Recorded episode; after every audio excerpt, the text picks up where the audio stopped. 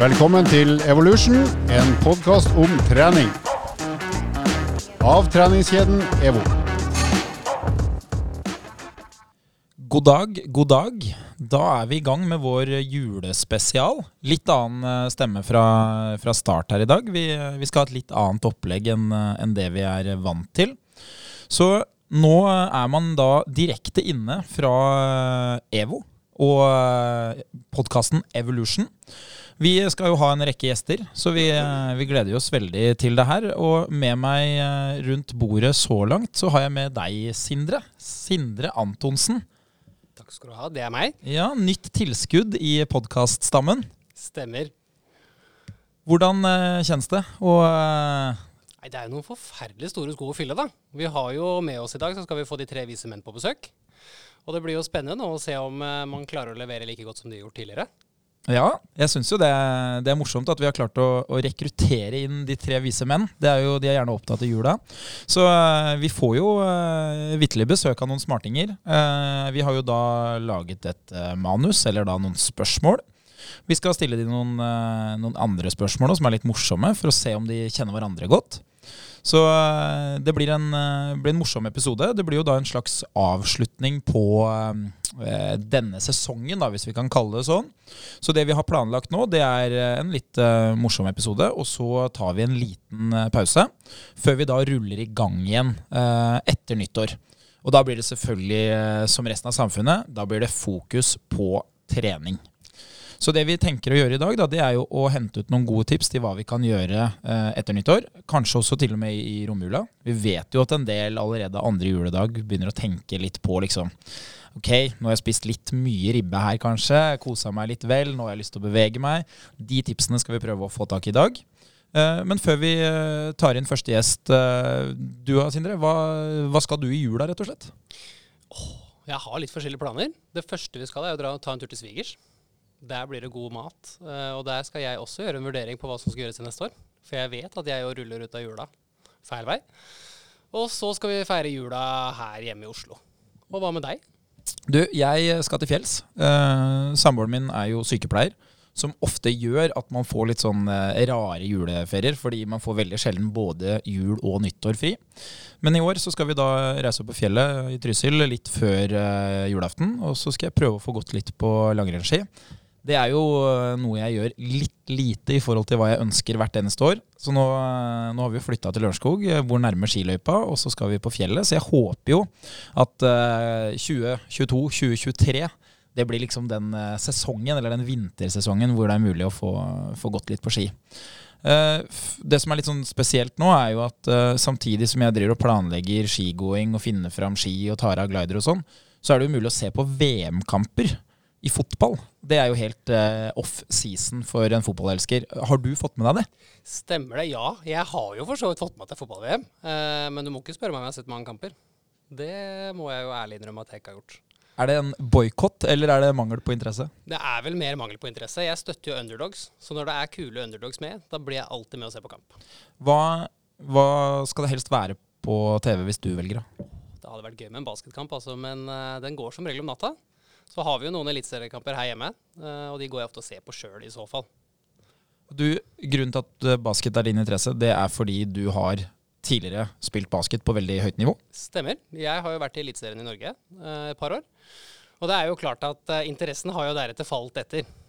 Og nå så er det jo fotball-VM, og man prøver jo å følge med. Men jeg syns personlig det er kanskje en litt upopulær mening, det skal jeg ærlig innrømme. Men det går litt sakte, altså. det er ikke like mange mål som det er på en basketbane. Nei, den ser jeg. den ser jeg. Så uh, du liker basket. Uh, og til de som ikke da husker den episoden som du uh, var med i for en måneds tid siden. Du jobber også som PT, Stemmer. så du er jo en veldig dreven personlig trener. Du har jobbet som PT i mange år. Hva, hva er det du velger å gjøre i januar når du selv skal i gang med treninga? Jeg velger å sette meg Jeg setter meg alltid mål før jeg skal starte å trene. Så si at jeg nå starter å trene i januar, så setter jeg meg først målet hvor jeg skal by, hva, jeg skal, hva jeg har lyst til å bli god i. Og så er nummer to å finne den morsomste veien dit. For jeg kjenner meg sjøl såpass godt at hvis jeg syns dette blir kjedelig sånn halvveis ut i året, så kommer det nok til å stagnere litt. Har du lagt planer for uh, januar? Vet du hva du skal i gang med av trening? Ja, altså nå, Det som er kjipt, er at jeg holder på å rehabilitere litt sånne småskader eh, her og der. Så jeg vet at eh, jeg må komme meg i form i januar, for vi er midt i en sesong, og jeg har vært eh, borte nå et par uker. Så det blir vel å begynne å løpe litt igjen. Ja, jeg, jeg har jo en stående invitasjon til deg på tirsdags morgen sammen med en annen på kontoret her, så det er mulig å henge seg med på litt tirsdagsjogg. Jeg har sagt det. Jeg blir med med en gang vi nærmer oss 10 plussgrader igjen. Da er vi på. Heldigvis så kan du risikere at uh, langs uh, fjorden her så blir det 10 grader i februar av og til. Uh -huh. Så det kan hende.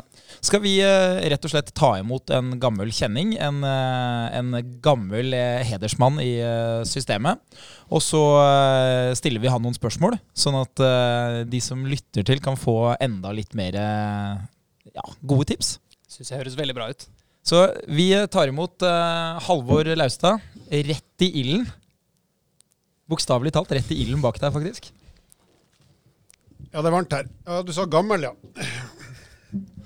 Og så sa du kjenninger, men det var først og fremst gammel. Kan jeg kommentere på det her med jul og svigers? Ja. Hva betyr jul og svigers? God mat og dårlig stemning. hvor, uh, hvor, skal du feire jul? Ikke hos svigers. jeg skal være et annet sted der det også er god mat og dårlig stemning, nemlig hjemme hos oss sjøl. Hvordan, uh, hvordan, er det? Du er jo, du er jo mangeepisoders mange episoders podkast-host her. Du har jo vært med egentlig nesten helt fra start. Uh, du har jo hatt litt ulike roller i denne podkasten. Du har jo både vært ekspert, du har vært programleder. Hva, hva, er på en måte julefeiring hos dere? Hvordan foregår det? Eh, vi har ikke tradisjonell julemat, fordi at eh, min aller beste halvdel ikke syns tradisjonell julemat er god. Så da har vi kanskje noe sånn eh, hjortestek eller noe sånt eh, fancy, men også veldig godt. Så vi har i hvert fall god mat. Og så har vi, prøver vi å være i bevegelse før mattrykket tar til. Så vi har i hvert fall tidligere klart å tvinge ungene ut på et eller annet. Men nå er de så store og såpass sterke at det kan hende de motstår fristelsen eller tvangen til å bli med ut. Men jeg og madammen skal i hvert fall ut og bevege oss før vi skal innta de herligste retter. Og så er det mat.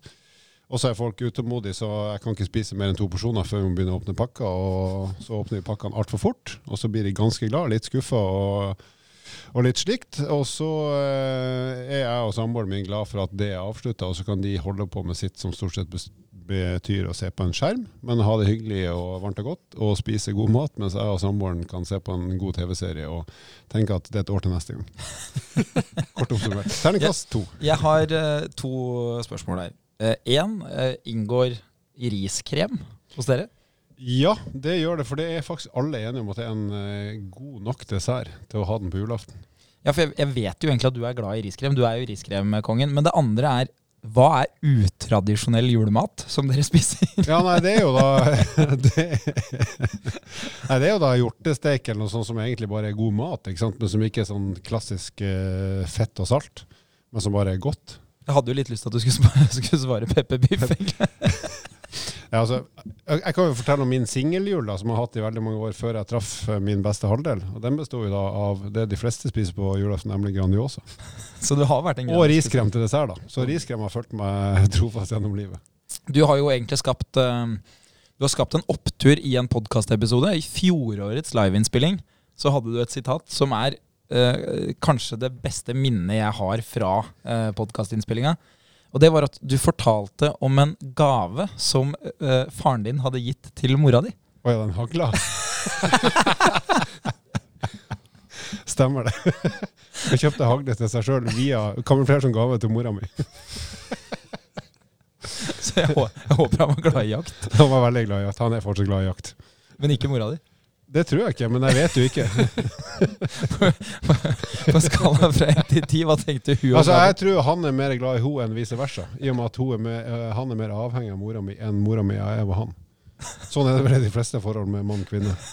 ja, ikke sant. I, I hvert fall kan jeg signere på det. Hvor glad blir man for en hagle fra 1 til 10? Mora mi ble ikke glad, så der er én er ikke lavt nok. Men faren min ble veldig glad for at hun fikk hagle. Så, han, så i snitt fem, da, siden det var null pluss ti. Jeg satt og bare måpa, for jeg skjønte ikke der før ti år etterpå hvorfor det egentlig hadde skjedd. Det må jo være en av de dyreste gavene han har kjøpt. Ja, ja. Det er den beste gaven han ikke har fått. Flere titalls tusen å kjøpe ja. det. Var det med patroner òg, liksom? Nei, nei, nei, det var ikke Mora mi har aldri skutt, og har verken før eller etter. Ah, nei, det er fantastisk. Jeg skulle gjerne ha fått hagle sjøl. Det hadde vært en real opptur. Du hadde bare trengt ett skudd. Det er alt jeg trenger. Vi, eh, vi har jo kjørt opp noen, eh, noen temaer vi skal snakke om her. Vi, eh, Hvordan komme i form til sommeren? ja, ikke sant? Det er jo det de fleste bør stille seg rett etter at pakken er åpna. Hvordan skal dette her bringe meg videre til god sommerform? Men vi tenkte å ta utgangspunkt i Hvis vi kan snevre det ned til to tips. Og så tenker vi sånn, ok, uh, La oss si at man våkner tredje juledag, og så tenker man ja, ja, dette var skikkelig morsomt. Jeg har fortsatt noen festligheter uh, igjen. Det er bra at du tenker at man skal faktisk skal våkne tredje juledag. At du ikke er død, liksom. Det er jo kult. Det er jo en bra start, da. Du lever. Det er en fordel. Uh, så la oss si da at du, du våkner opp, så tenker du ok, jeg har lyst til å gjøre noe aktivitet. Eh, jeg tenker at jeg skal begynne nå, men viktigst av alt for meg, jeg skal eh, holde på litt inn i januar. Fordi trendene sier at det er fornuftig. Eh, jeg tenkte det samme i fjor, eh, men i år vil jeg faktisk lykkes.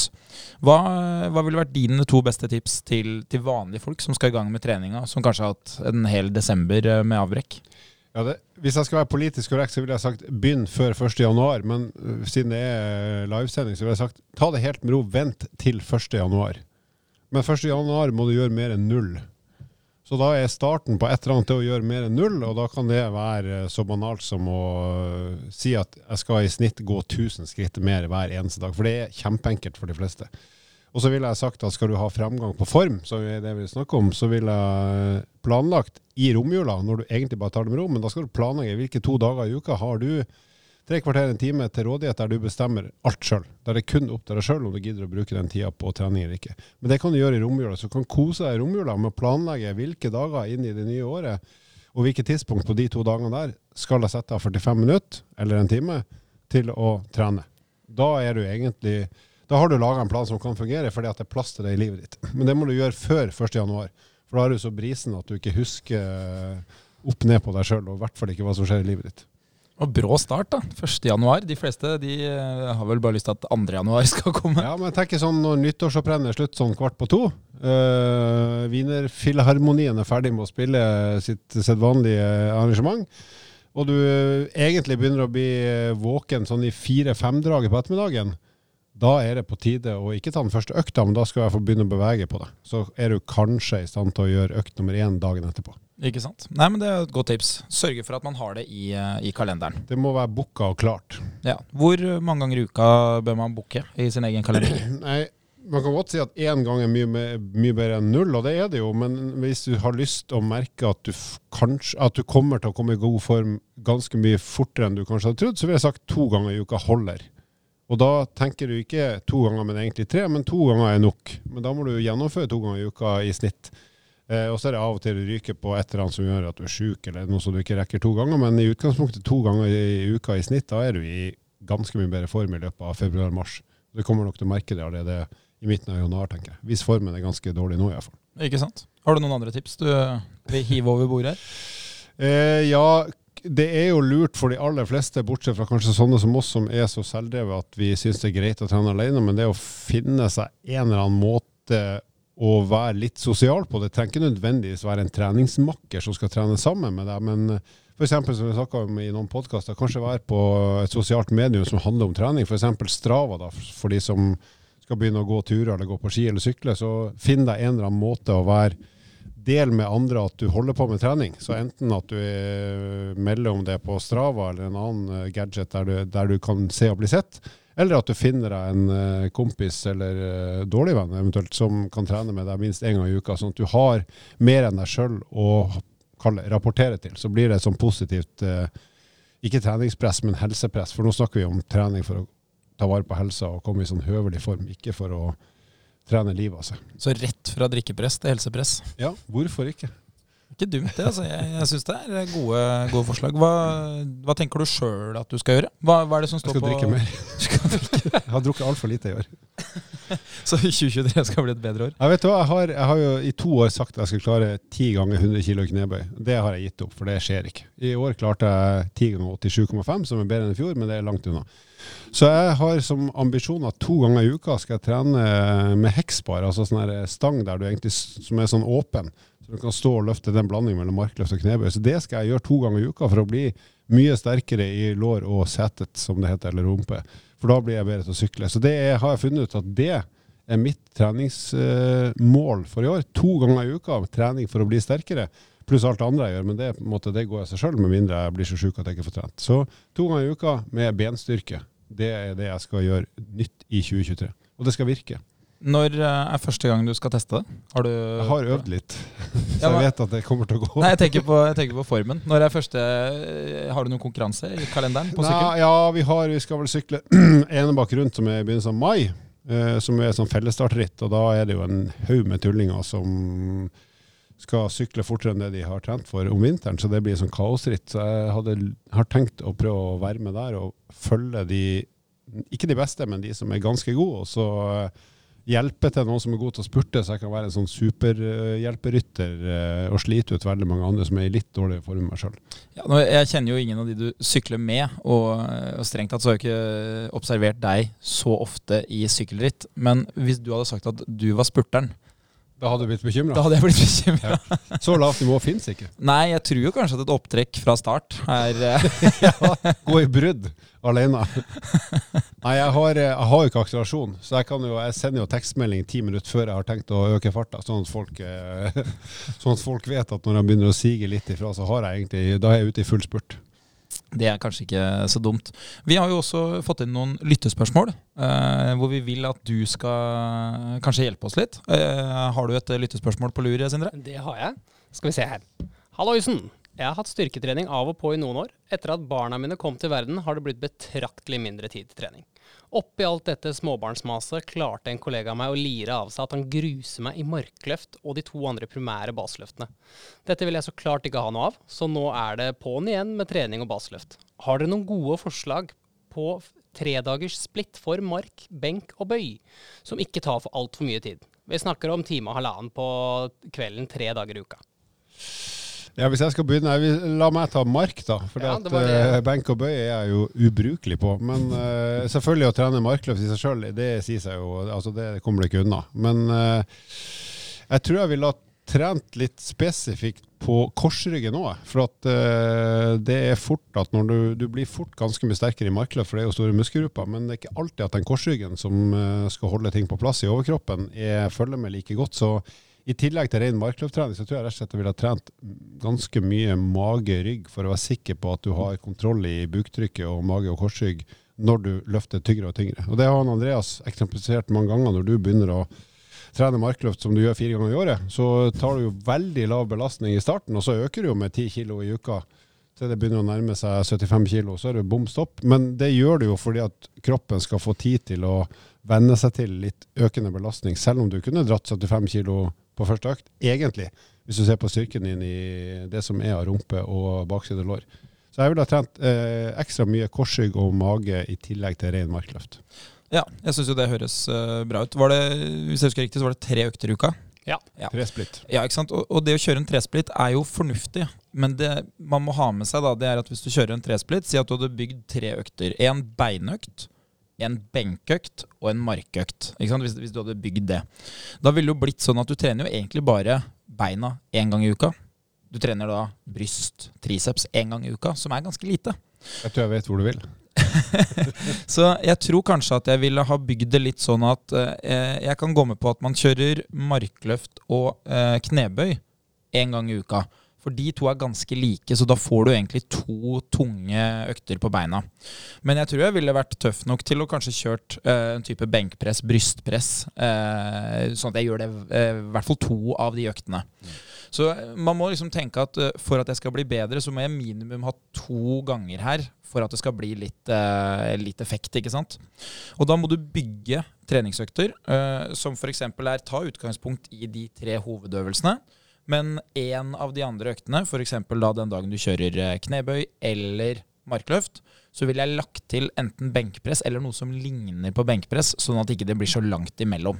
Og så ville jeg kanskje hatt um, type utfall den dagen som jeg har eh, markløft, sånn at ikke det bare blir markløft som er eneste belastning på bein. Og bare ved å legge til en sånn type halv økt av den andre hovedøkta di, så vil du få et mye større stimuli som sørger for at du blir mye bedre.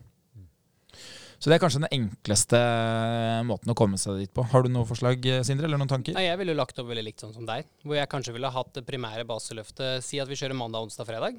Tar vi markløften på mandag, og så tar vi knebøyen på fredag. Men så finner vi noe som får trent eh, noe lignende av knebøyøvelsene på mandagen. Og det samme gjør vi også på fredagen.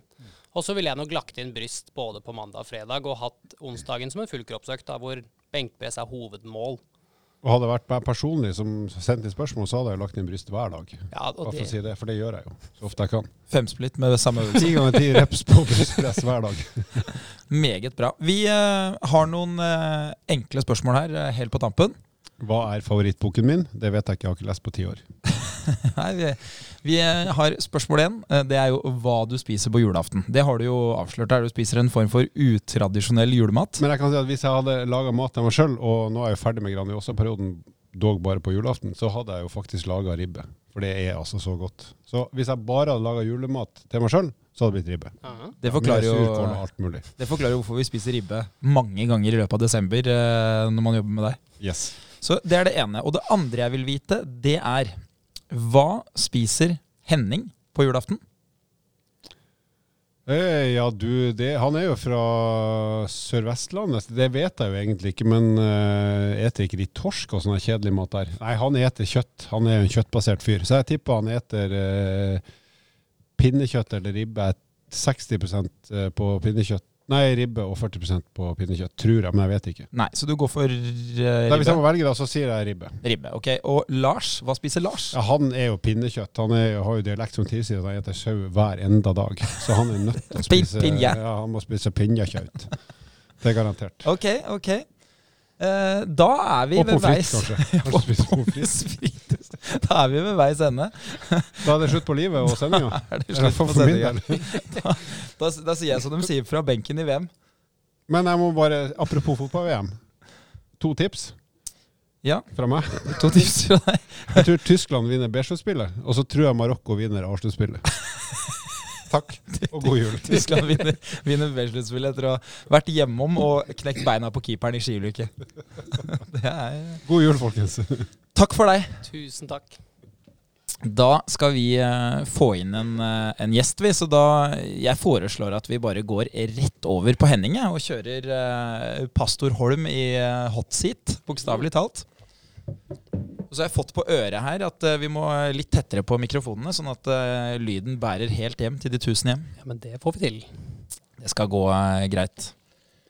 Så får vi se da om vi, eh, om vi får inn et besøk her. Eh, vi håper jo på at de er klare, så eh, vi tar vel imot, vi. Eh, tidligere ekspert, tidligere eh, programleder og eh, nåværende gjest, Henning Holm. Hallo, hallo. Er du ekspert ennå? Eh, ja, jeg var jo tidligere ekspert, da. i Ja, det var det jeg lurte litt på. Jeg sa til Sindre i stad at vi kjører deg rett i hot seat. Nå har jeg truffet to ganger. I stad sa jeg inn i varmen med Halvor og hot seat på deg. Du, har jo, du sitter jo faktisk i peisen her. Gjør det. Det var litt varmt på baksiden av hodet, men ja. det var litt frysen. Det var litt kaldt ute, så det går bra. Meget bra. Hvordan står det til? Du, det går veldig fint. Eh, det, du vet hva man sier, så lenge man har grønn genser på, da er det en god dag. Så her går det fint. Du, jeg er godt i gang i eh, Jeg jobber jo nå i Rode, og eh, vi har jo lagt podkast og greier eh, som heter Ett fett, av alle ting. Kult navn. Så vi er godt i gang med det, og ellers så er det god stemning, og familien gleder seg til jul, og ja. Pakkekalenderen blir mindre og mindre, eh, til fars storglede. Det som er morsomt nå, er jo at nå har jo Halvor svart på en del spørsmål. Og det å skulle svare på spørsmål etter Halvor, det er jo ikke å hoppe etter Wirkola. For han svarer jo ikke akkurat normale ting. Så vi, nå kanskje vi har den første gjesten som har litt normal julefeiring. Hva, hva står på menyen eh, under jule, julefeiringa hjemme hos dere? Å ja. Du, eh, jeg tror jeg skal dra opp troverdigheten her etter at Halvor har gått ut. Så eh, hos oss eh, først og fremst så skal vi dra nedover til Hvaler. Hvaler er et flott sted på vinteren òg, ikke bare på sommeren. Der drar vi til svigermor. Så det, det blir kjempefint. Så der, eh, der er julegavene. De ligger nok klare under treet allerede, kjenner jeg med svigermor rett, da.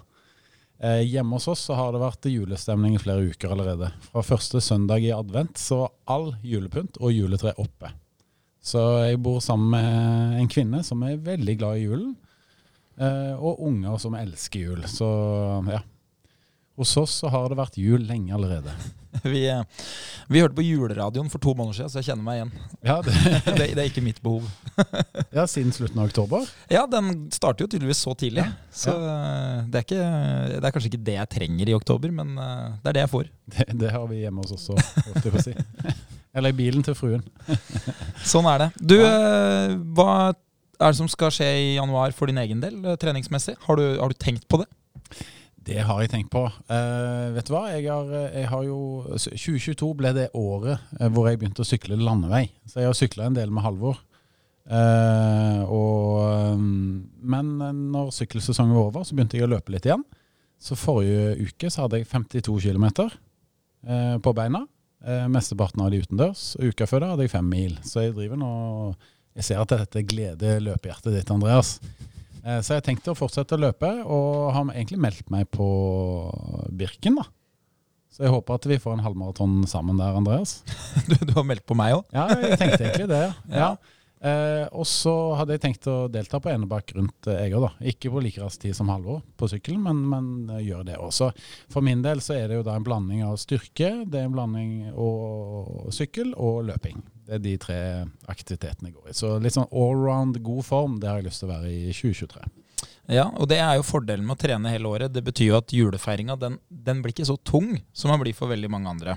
Og det er jo en av de tingene som vi eh, tenkte å spørre deg om. da, Det er jo eh, har du eh, to tips som vanlige folk kan benytte seg av? Eh, si at de i romjula bestemmer seg for at nå har jeg lyst til å komme i gang. Nå, eh, nå har jeg kjørt eh, litt for mye mat.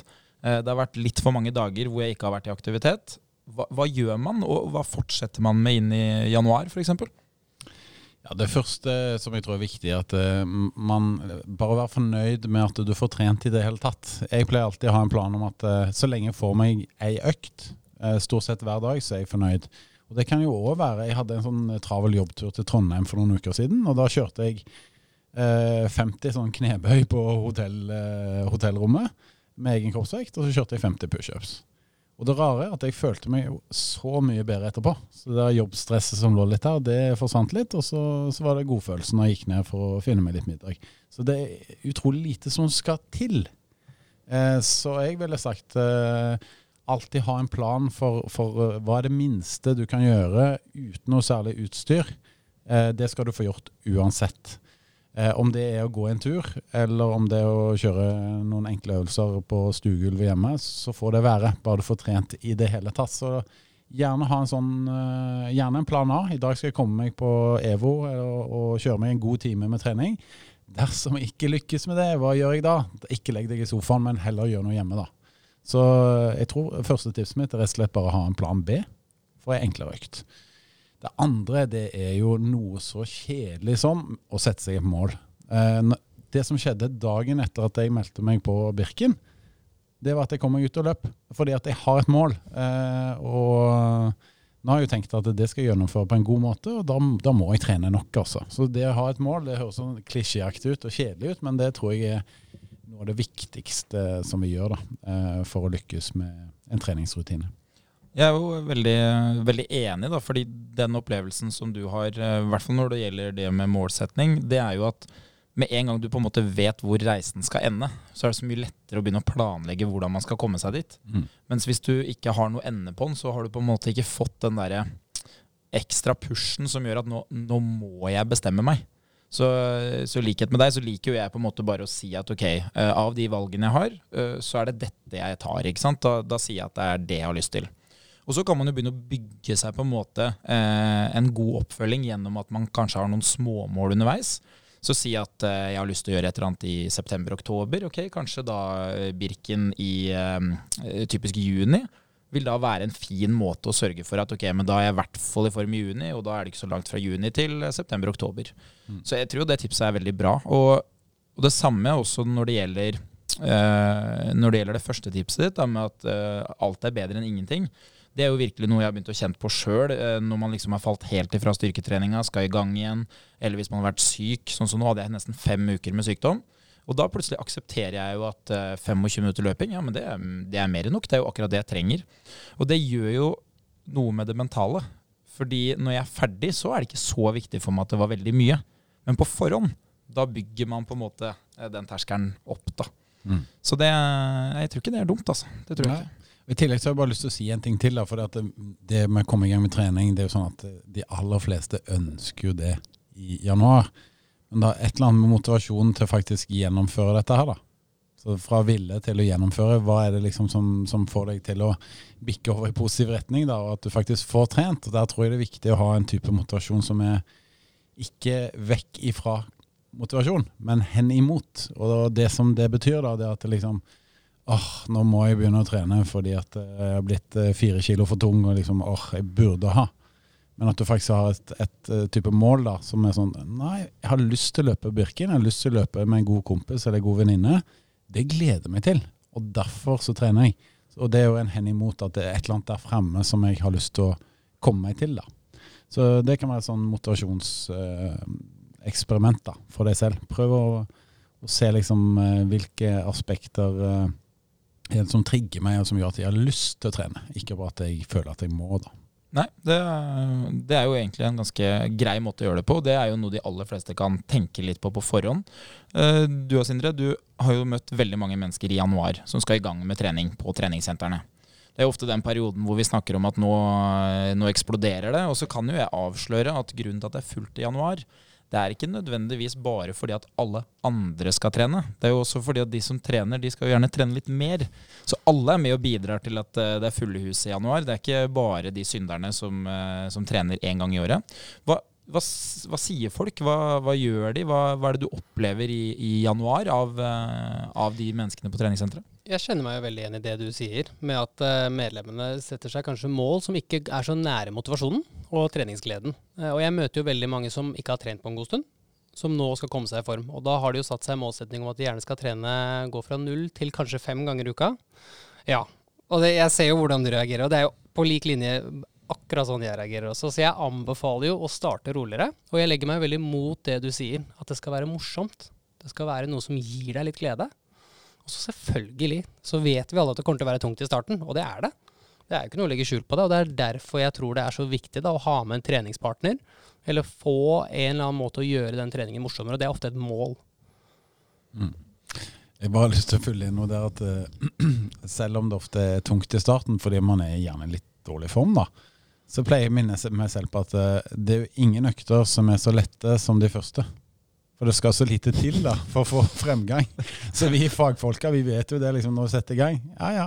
Altså ti ganger tre på knebøy på lavt antall kilo, ti ganger tre på pushup på knærne, og liksom noen litt på nedtrekk. Ja, det er godt nok. Fordi at det skal ikke så mye til for å skape progresjon når man er i relativt eh, dårlig form. Det er jo noe vi, eh, vi elsker å dyrke, da, både jeg og de kundene som jeg har som jeg har trent i mange år. Det er jo at i startfasen så er volum viktigere enn motstand. Mm. Så alle aksepterer at ja, ja, ja, det er samme hva vi gjør, bare vi får gjort de åtte øvelsene. Og så er det først gang nummer to vi blir tatt igjen av at nå må vi ta utgangspunkt i hva vi gjorde gang nummer én. Så eh, jeg, jeg tror jo at uh, de tipsene du har, er De fungerer jo hvis man følger de. Og så er det jo da, uh, som vi egentlig sier her litt indirekte, da, ikke start så tøft. Altså man, man trenger egentlig ikke å dra til maks fra start.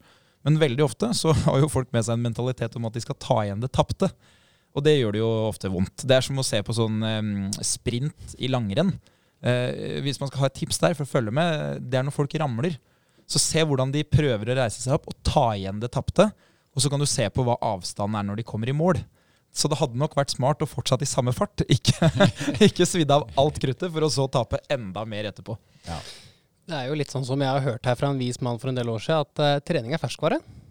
Så det gjelder å begynne fra scratch, og ikke tenke som du sier da, tilbake på hvor man en gang var. For jeg regner jo med at som dere to, dere setter dere veldig mange, mange målsetninger. Og jeg kan tippe at noen, at noen ting har dreid seg om styrke, andre ting har dreid seg om kondisjon. Og da er jo klart at du begynner jo på scratch om du er veldig sterk og lyst til å bli veldig rask. Mm. Og vice versa, selvfølgelig. Mm. Og det som jeg erfarer da, med mange som løper, og meg selv inkludert, det at man er ganske kjapp på å begynne å løpe på den farta som man har tenkt til å avslutte på når man er ferdig. Så si du begynner da i august, da, og så skal du løpe maraton i oktober. Da skal det ganske fort løpes på den maratonfarta. Og det, jo, det gir jo ikke helt mening i styrkeløft da, å begynne med maksløft i benkpress, fordi det er det du har lyst til å gjøre om uh, ti uker. Så, uh, så det, er nok, uh, det er nok ganske smart å tenke litt gjennom det. Vi har også med oss et lytterspørsmål til deg. Som vi tenkte du kan bidra med å svare på. Så eh, hvis du finner fram, eh, Sindre, så skal vi se hva vi har her. Nå er jeg spent. Jeg håper det ikke er fra Halvor. Det er ikke fra Halvor. det er som følgende. Hei. Til neste år har jeg bestemt meg for å komme i form. Jeg vil ned 10 kilo og jeg får bedre kondisjon og bli litt sterkere. Jeg ble med junior på det han kalte en lett joggetur her om dagen, og det var da jeg forsto at formen er ganske bedugelig og ganske dårlig. Mitt spørsmål til dere da er hva skal til for å komme meg i bedre form? Oi, det var jo eh, en kinder, eh, kinderegg-pakke ja, av, av hva som var ønskelig her. Da. Det her vil man oppnå veldig mye. Eh, Det positive det er jo at eh, hvis man eh, angriper dette ganske sånn helhetlig, så kan man nå alle de målene her. Eh, Det positive med å gå ned i vekt er jo at da blir jo løpingen lettere. Og når du begynner å løpe og komme i bedre form, så blir løpingen lettere. Så, eh, så her er det mulighet for å komme i veldig mye bedre form ganske raskt. Um, men dersom du skal ned i vekt, så, så må man gjøre litt mer enn bare trene. Da må man gjerne ta tak i kostholdet òg, da. Uh, så her ville jeg nok uh, prøvd å liksom kanskje gjort de enkle tingene først. Eh, når jula er ferdig og man er klar for å sette i gang, eh, prøv gjerne å kutte de flytende kaloriene. Så tenk at du ikke skal drikke kalorier eh, en periode. Dropp gjerne brus, melk, juice, hele pakka. Bare drikk eh, svart kaffe og eh, vann, rett og slett. Eh, eventuelt eh, lettbrus, dersom man må ha noe med smak av og til. Eller dra på restaurant. Og så vil jeg gjerne ha, ha hatt et type digitalt verktøy eh, som gjorde at jeg kan ha litt tracking på hvor, hvor mange kalorier som kommer inn. Da. For jo, du må jo på underskudd her. Du må få gå ned en kilo, så må du gjerne ligge på et underskudd på 7000 kalorier i uka. Eh, og, og det krever litt, men det er ingen grunn til å måtte gå rundt og være sulten og ha det kjipt. Eh, så, så hvis du velger riktige matvarer, da, så, så vil du Ehm, vil du absolutt kunne lykkes med vektreduksjon, og samtidig da um, ja, ha det fint underveis. Det er akkurat de tingene vi jobber med i Rode, så her er vi ganske tett på, på kjernedriften vår. Ehm, når det kommer til treningen, så tror jeg jeg vil lagt opp til et løp hvor jeg trener eh, mest eh, kondisjon. Eh, si f.eks. at man har to kondisjonsøkter per uke, og man gjerne har én styrkeøkt per uke, hvor man trener gjennom alle de store muskelgruppene. Eh, Den ene av de kondisjonsøktene vil jeg gjerne hatt litt eh, høy intensitet, eh, hvor man gjerne prøver seg på noen intervaller. Enten inne på mølle, gjerne litt motbakke på, hvor man enten går eller jogger. Intervallene kan variere, de, alt fra tre til seks minutter ganger to, tre eller fire. Og en litt lengre økt hvor du prøver å løpe gjerne så lenge som du klarer. da. Fire, fem, seks kilometer, gjerne øke litt etter hvert. Og et styrkeprogram som går på hele kroppen, må gjerne inneholde bøy med begge bein, eh, som en type knebøy eller eh, markløft, og gjerne hvor man utfordrer en utfallsbevegelse. jobbe etter et bein, og jeg må ha en pressøvelse som pushup eller benkpress, og jeg må ha en trekkøvelse eh, nedover, eh, rett og slett, eh, og, og til meg. Eh, også gjerne litt eh, kjernemuskulatur. Nå prøvde jeg å være veldig effektiv her, men hvis du får med alle de tingene der, så tror jeg at du vil eh, oppnå ganske mye på, på relativt kort tid. Eh, og husk på, du får veldig fin fremgang i starten når du setter i gang med dette. her. Eh, Hold gjerne litt ut i den mellomfasen. Når det, går, når det har gått tre-fire uker, så blir det litt tøffere. Hang in there. Og så kommer siste rest av kiloene litt lenger utover. Jeg tror jo det her egentlig er ganske relevant for veldig mange. Så jeg tror at hvis man tar med seg de tipsene som du sier, og man faktisk liksom tenker litt over de og bruker de, så tror jeg fort man kan komme ganske langt altså, med, å, med å ha liksom veldig sånn detaljert eh, oversikt, og at, man, eh, og at man gjennomfører de tingene. Fordi det vi ser, da, som du sier, er jo styrketreninga trenger ikke være vanskelig. Kondisjonstreninga trenger ikke være vanskelig. Der handler det i stor grad om gjennomføring. Men så er det jo det som, som du nevner om kosthold, at man må gjerne akseptere at det som jeg har gjort til nå, det har jo ikke ført til det resultatet som jeg ønsker. Så det å fortsette med det jeg gjør nå, det vil nok være det, altså det minst smarte. Det er jo det de fleste ender opp med. Uh, og så er det jo sånn at de aller fleste forstår at hvis jeg spiser mindre, så går jeg jo ned i vekt. Men det å spise mindre det er jo ikke en veldig enkel ting å gjøre. fordi du spiser jo den mengden du gjør fordi det er det du har lyst på. Så hvis du skal begynne å spise mindre, så vil jo det være ganske ubehagelig. Så det er jo da en prøvelse. Eller så fins det jo en bedre løsning, men den krever jo litt innsats, da, og det er jo å spise smartere. Mm. Så at man kanskje spiser like mye volum, men man bytter ut eh, litt av innholdet i det man spiser, til ting som kanskje da har litt lavere energitetthet, altså litt færre kalorier, men fortsatt har ganske stor plass i magen. da. Mm. Men da må du ha peiling. Så det er jo smart som du sier, at hvis man da kan altså skaffe seg den eh, peilinga et eller annet sted, samtidig som man klarer å holde kontroll, som man gjerne må gjøre i styrketrening og kondisjonstrening, da er man langt på vei. Og det som jeg erfarer da med mange av de jeg har trent, er jo at det som skjer, er jo at de er på vei mot et mål. Men det som gjør at de fortsetter å trene, det er jo at de syns det var så interessant og lærerikt på veien mot målet, at når de først kom seg dit, så er de på en måte frelst. Da har de, da har de lyst til å fortsette med det. Mens de som da aldri kommer seg til målet og ikke fikk den gode opplevelsen, de starter bare på nytt og på nytt og på nytt hele tida. For de vil gjerne ha målet, men det klarer de ikke å få tak i. Mm. Kloke ord fra den unge mannen. Ja, det hender jo av og til at det ramler ned noe. Du, vi har noen eh, avslutningsvise spørsmål her. Halvor fikk lov å gjette på hva dere spiser på julaften. Hva, hva spiser dere?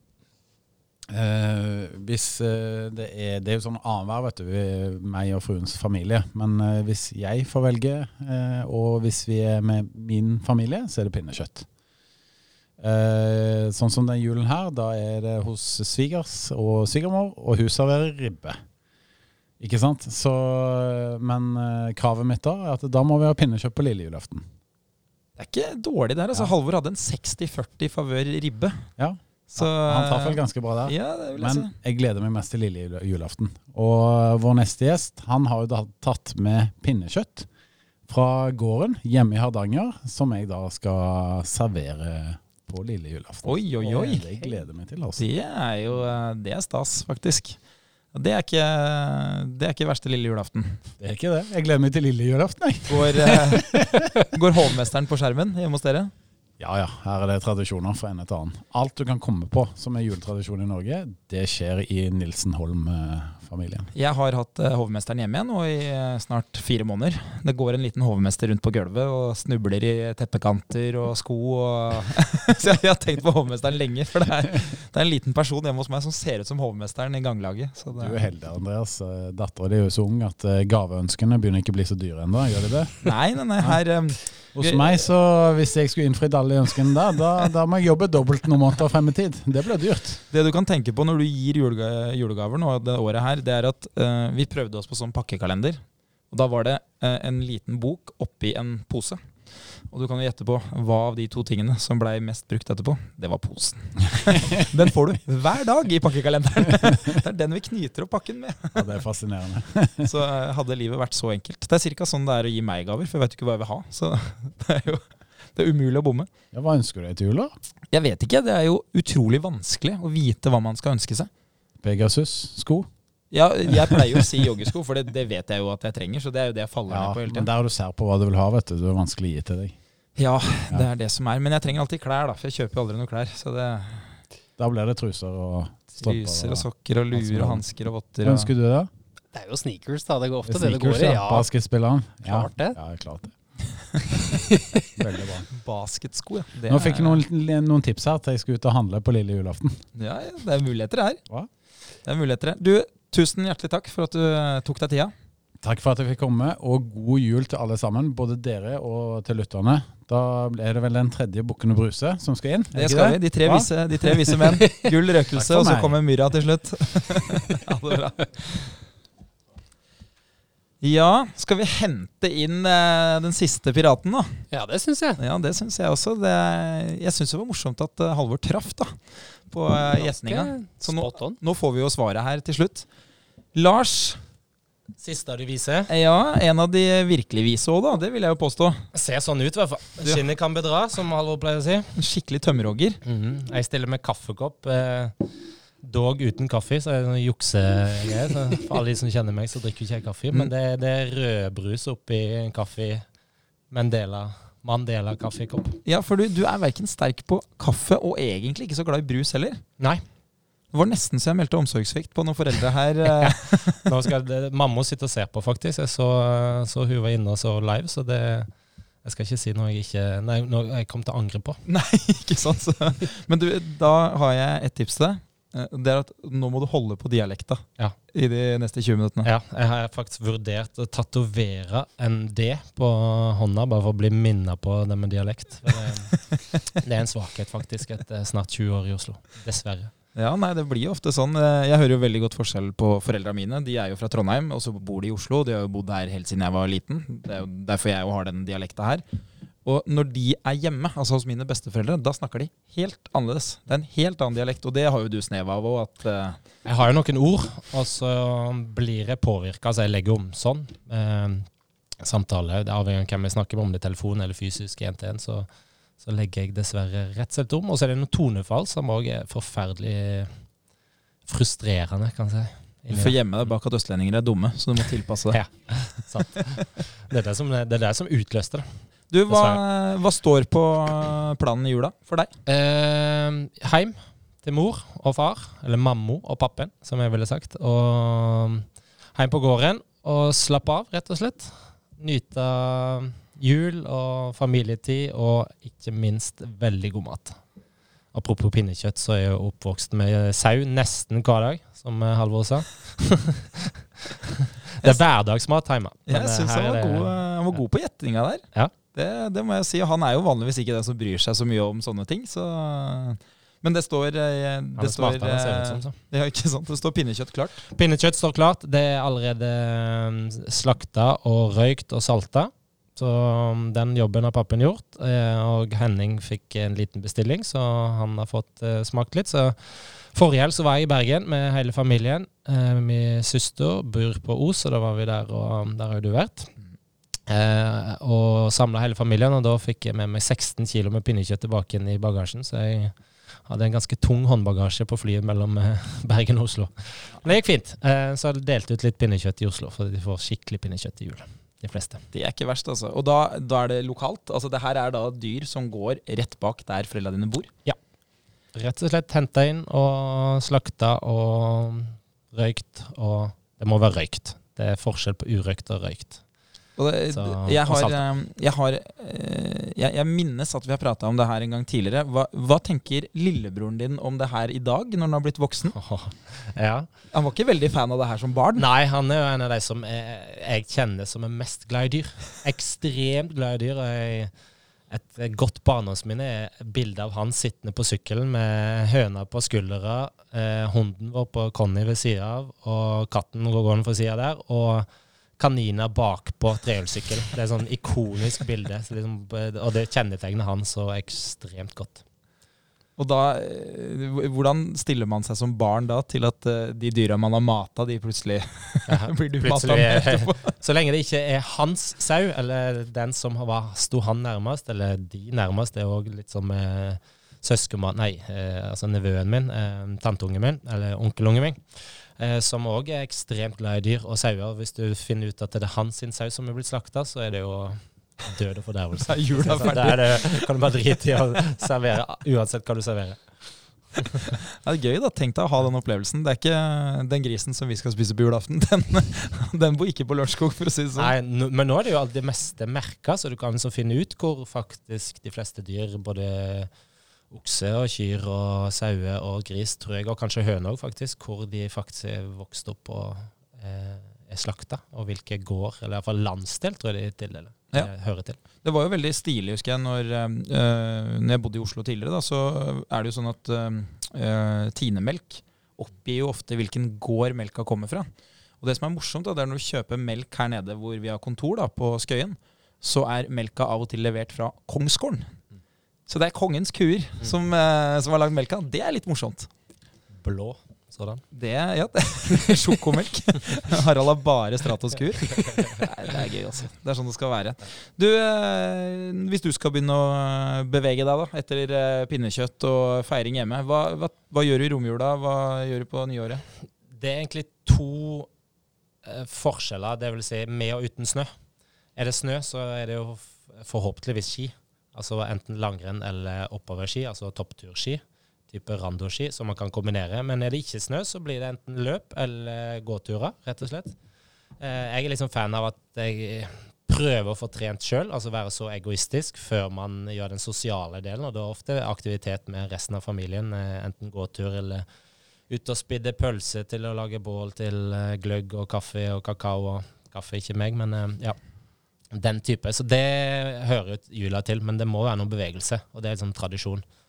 Så, og så har jeg de siste årene vært eh, hjemme i Øyse, men eh, i seks år før det så tilbrakte jeg stort sett jula i Mellom-Europa. Da var det jo ski, alpint nedoverski. Selv om det var fri, så var det liksom eh, ski og liksom avkobling, for å si det sånn. da. Hva spiser man da på, øh, i Mellom-Europa? Oi.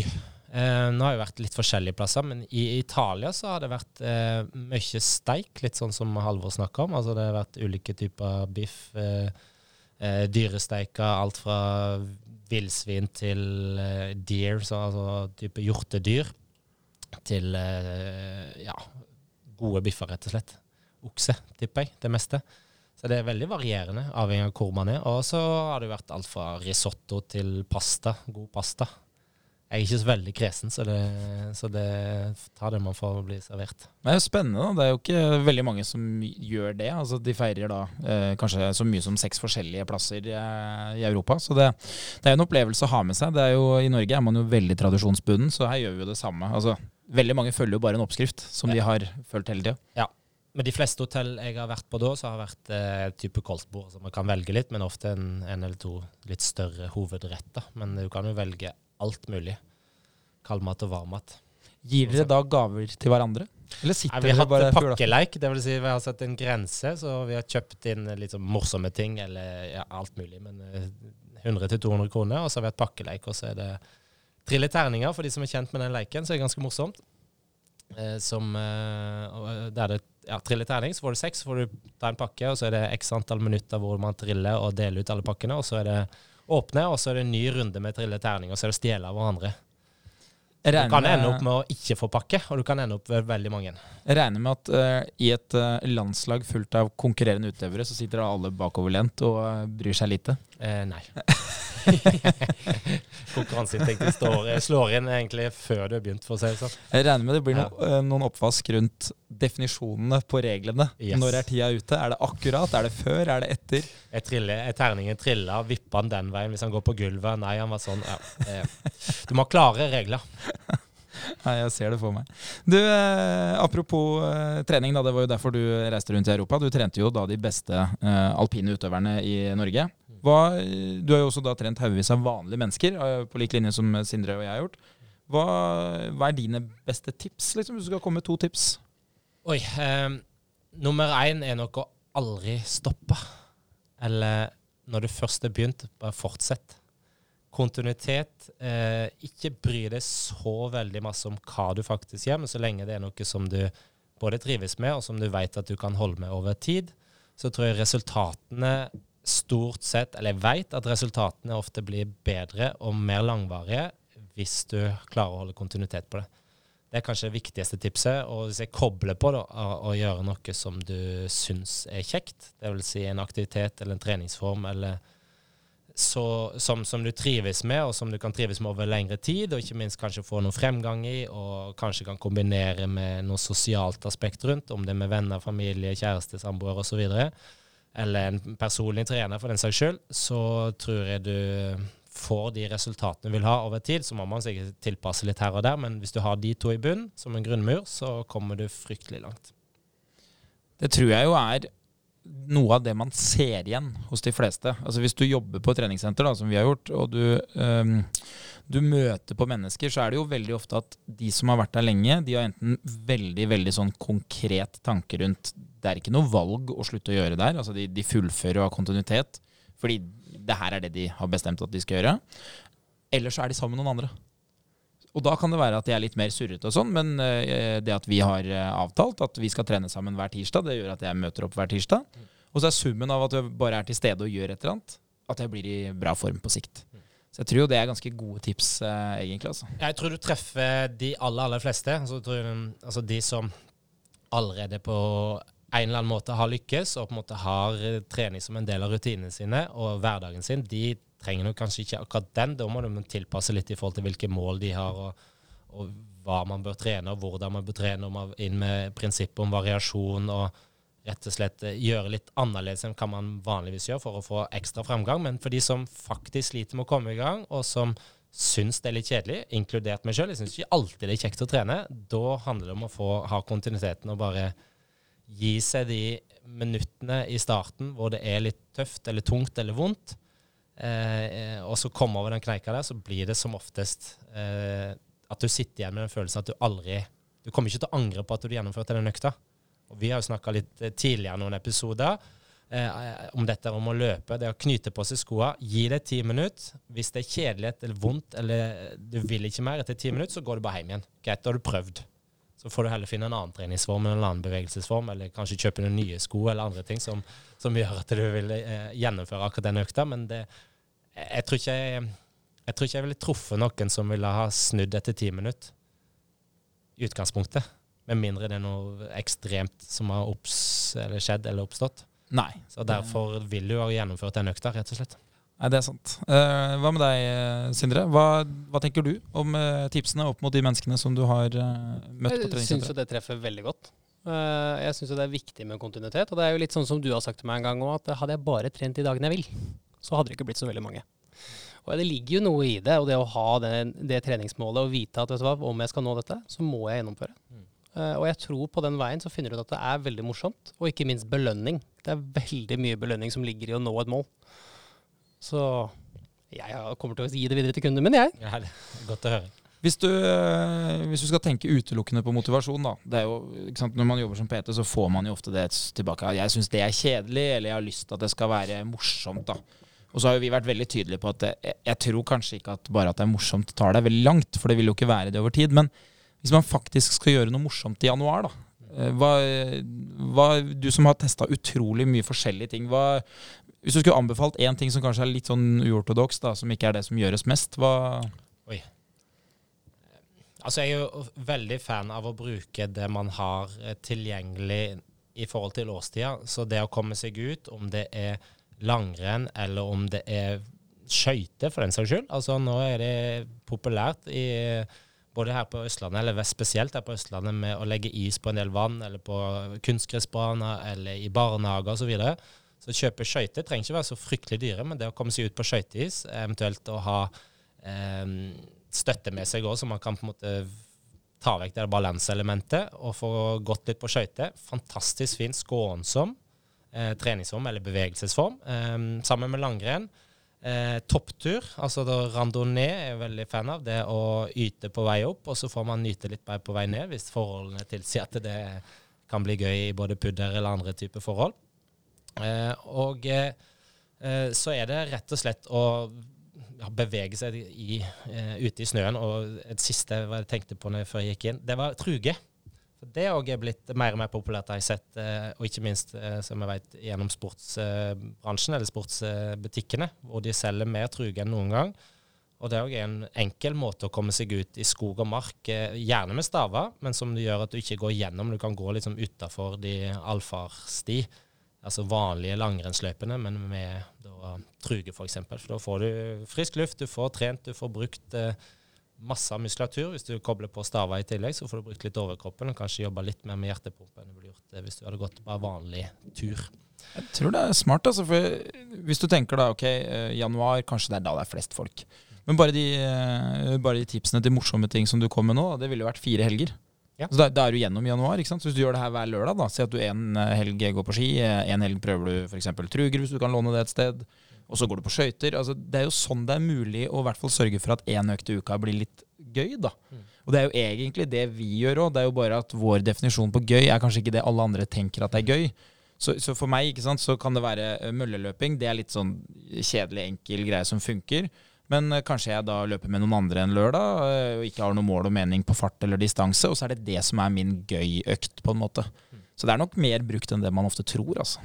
Ja, altså Fordelen er hvis man ikke har trent så mye før, så handler det ofte i januar om å komme i gang og unngå å bli skada, og disse tingene som er sånn typisk at det er too much too fast too soon. Disse er eh, for mye i starten at det blir type belastningsskade eller akutte skade. Men det, disse bevegelsesformene og aktivitetsformene er ganske skånsomme. Eh, og en siste ting i det er jo at det er ikke sikkert det er nødvendig at man må kjøpe seg nytt utstyr, for det finnes veldig mange eh, plattformer, eh, type jeg kan nevne Hyglo eller Finn eller eh, kanskje andre grupper på Facebook, hvor man kan få lånt og testa eller leid utstyr eh, til en rimeligere penge, bare for å se om man liker det, og kanskje man skal bare bruke det i januar eller de to, tre, fire, fem helgene. Og da har man muligheten til det gjennom å bare få lånt så man får testa og se om det er faktisk noe som man trives med, eller som man òg behersker, ikke minst. Og spesielt det med topptur, som er veldig dyrt utstyr. Men òg skøyter eh, og eventuelt eh, truge eller, eller langrennsski, så man får kommet seg litt ut. Nei, Det tror jeg er noe de aller fleste bør uh, teste. Det er jo ikke, det er ikke dumme ideer det, altså, for å fylle kalenderen med aktivitet som er, som er morsom, da, rett og slett. Vi uh, har jo også fått inn noen leserspørsmål, så vi tenkte jo å benytte oss av kunnskapen din. Så vi har vel ett spørsmål igjen, Sindre, hvis det ikke jeg tar feil? Det er helt riktig. Vi har ei som skal gå Birken til neste år på ski med jentegjengen sin. Spennende. Hun trener ikke så ofte, sier hun. Hun trener én til to ganger i uken. Litt sporadisk. Noen ganger løper hun, noen ganger trener hun litt styrke og tester litt øvelser på senteret. Men har ikke noe fast program. Målet er jo egentlig å kunne gjennomføre Birken behagelig. Hun mm. er litt redd for å være dårligst i gjengen. Har du noen gode tips? Oi. Eh, nummer én er jo at man har en eh, så god, solid plattform hva kommer til kondisjon, utholdenhet, i bunn. Så, så, man bør, hvis man skal trene én gang i uka, så ville jeg jo prioritert og fått litt intervall inn der. Og så får man bygge på, på mengden osv. fremover mot Birken, som går i april. Uh, er det Skarvrennet? Skarven, mars. Mars går det. Andre helg i mars. Ja. Um, så, så, du har jo ikke sånn kjempegod tid på det sånn utgangspunktet. Så, da, så jeg ville nok ha prioritert og brukt kanskje januar på å bygge bare en litt solid plattform og få noen litt lengre økter. Om det er løping eller sykling, det spiller ikke så stor rolle sånn utgangspunkt så lenge man får et kontinuerlig arbeid. Eh, og hvis man får en eh, andre økt inn der, så får man en inter intervalløkt inn. Så får man bruke i februar på å kjøre litt mer intervaller og kanskje bevege seg over på stakemaskiner hvis man skal være inne på et treningssenter. Ja. På de fleste treningssentre nå så har man jo det som heter en stakemaskin, stakemaskin, en skierg. Um, ulike leverandører, uh, som kan være veldig fin og skånsom og for å ha brukt uh, overkroppen litt mer spesifikt i forhold til armer, rygg og kjerne, og liksom den stake bevegelsen, selv om man ikke får den diagonalbevegelsen, så er det iallfall mer si, spesifikk bevegelse i forhold til å styrke rett og slett overkroppen, samtidig som man får jobba med hjertepumpa. Der kan man kjøre ulike typer intervaller uh, utover da februar, som nærmer seg mot mars. Men jeg ville òg anbefale at du kommer deg ut på ski, så man får eh, trent litt, og ikke minst får inn den skibalansen, fram-bak-balansen, sideveisbalansen, så man er stille litt mer forberedt eh, til start på, på arena når den tid kommer. Eh, det tror jeg vel er kjempesmart. Nei, det tror, jeg, det tror jeg hadde kommet til å sørge for at opplevelsen blir god, hvis man følger de tipsene. Mm. Uh, en ting som jeg har observert da, uh, når det gjelder akkurat det med ski, så er det jo sånn at for en del kvinner som skal gå, så er problemet ofte at staking blir veldig tungt. Så det å bruke en sånn stakemaskin, det å trene litt styrke, sånn at man får litt bedre overkroppskraft, det er gjerne noe som vil sørge for at tida du bruker, går betraktelig ned. Fordi eh, i motbakkene så må man gjerne gå diagonalgang, som er liksom krabbegiret, da du bruker en ski, en stav eh, og går nærmest oppover. Og så er det jo sånn at i nedoverbakkene så, så sklir man jo gjerne av seg selv, men det er jo på flatene man ofte da ender opp med, hvis man er helt utrent, så går man diagonal, som bruker veldig lang tid. Men hvis du hadde vært i stand til å stake litt, så ville du holdt en mye høyere gjennomsnittsfart.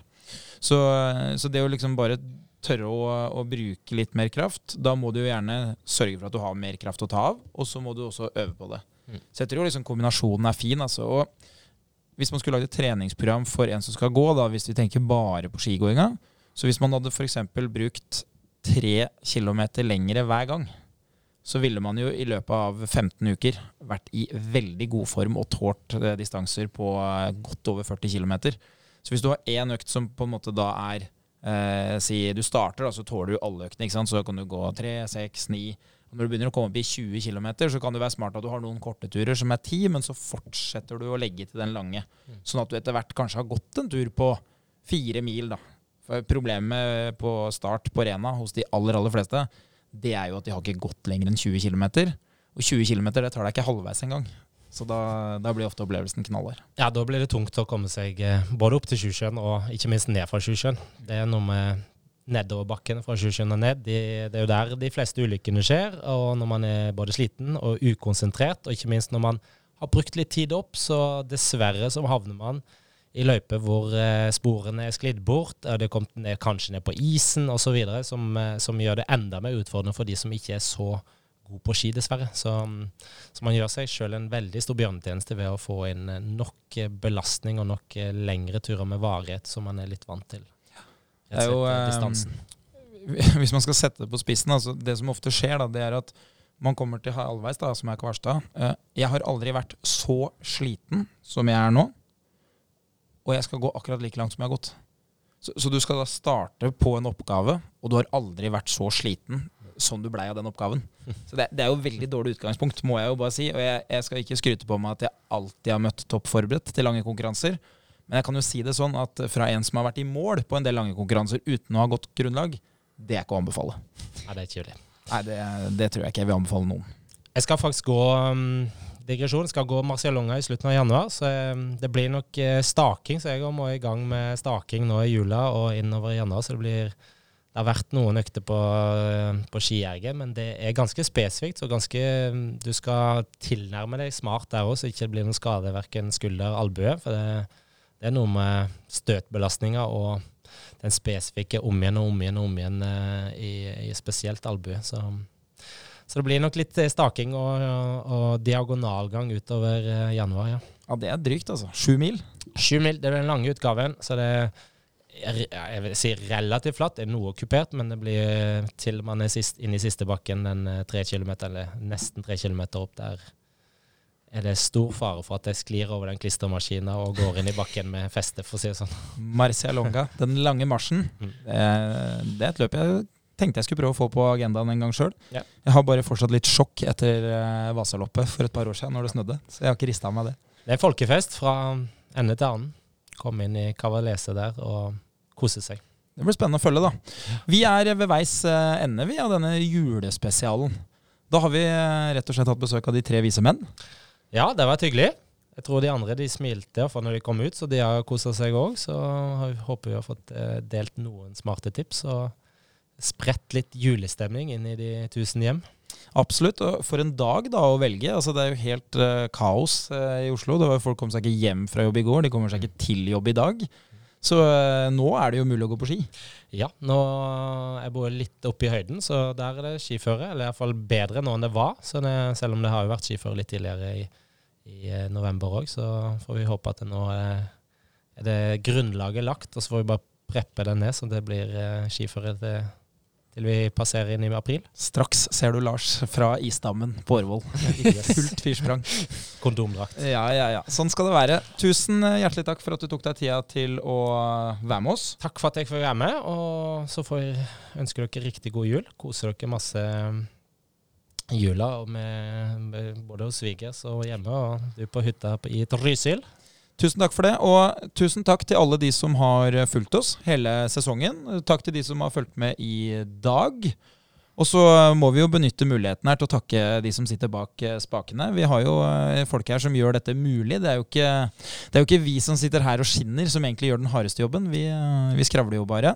Så eh, takk til Peter og Ronja, som uh, sørger for at vi kan uh, være live på lufta. Denne episoden her, den går jo ut som en podkastepisode.